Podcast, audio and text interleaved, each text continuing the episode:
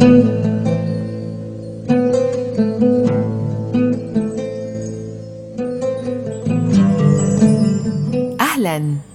معكم صفاء وهذا بودكاست عن غيمة أحدثكم. عن غيمة تجعلنا أحياء حتى النهاية. عن غيمة تعلمنا متى سيأتي الفجر الصادق. سنتناول في أولى حلقاتنا اليوم قصيدة جميلة أو نستطيع القول قصيدة خلفها قصة جميلة. أحسبني وكل من سيستمع إليها أن يصاب بالدهشة الأولى في محاولة لفك رموزها وفهم المعنى المراد. كونها تعد من القصائد العظيمة التي تطرب لها الآذان والقلوب.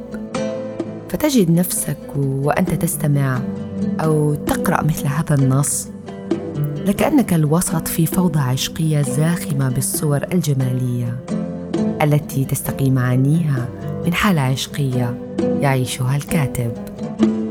وهي إحدى قصائد الكاتب المعروف محمود درويش.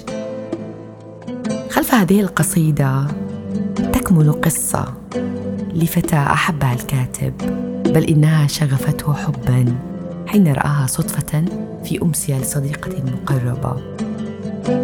وحينها لم يسعفه الوقت أن يتحدث إليها.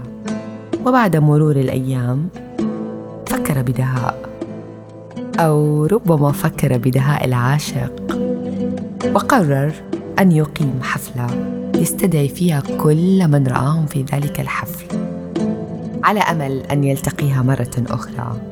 وبالفعل أقام حفلته المرتقبة وحضر جميع المدعوين إليها. ما عدا تلك الفتاة وهي التي أقيم الحفل من أجلها. لقد كان الأمر مجحفا بحق حبيب ينتظر ويتحين الفرص بغية أمل ضعيف للقاء حبيبة ربما لا تأتي. وفي مكنون نفسه كانت قد أتت فعلا. دعونا نستمع لهذا المناخ الشاري الباذخ متناثر النغمات. ونتنقل بين عباراته لنعيش اجواء مختلفة ونحلق مع القصيدة هذا الصباح. وللقصه تفاصيل في حلقة قادمة. يقول ولا تتعجل فإن أقبلت بعد موعدها فانتظرها وإن أقبلت قبل موعدها فانتظرها فانتظرها. بكوب الشراب المرصع باللازورد انتظرها. على بركة الماء حول المساء وزهر الكولونيا انتظرها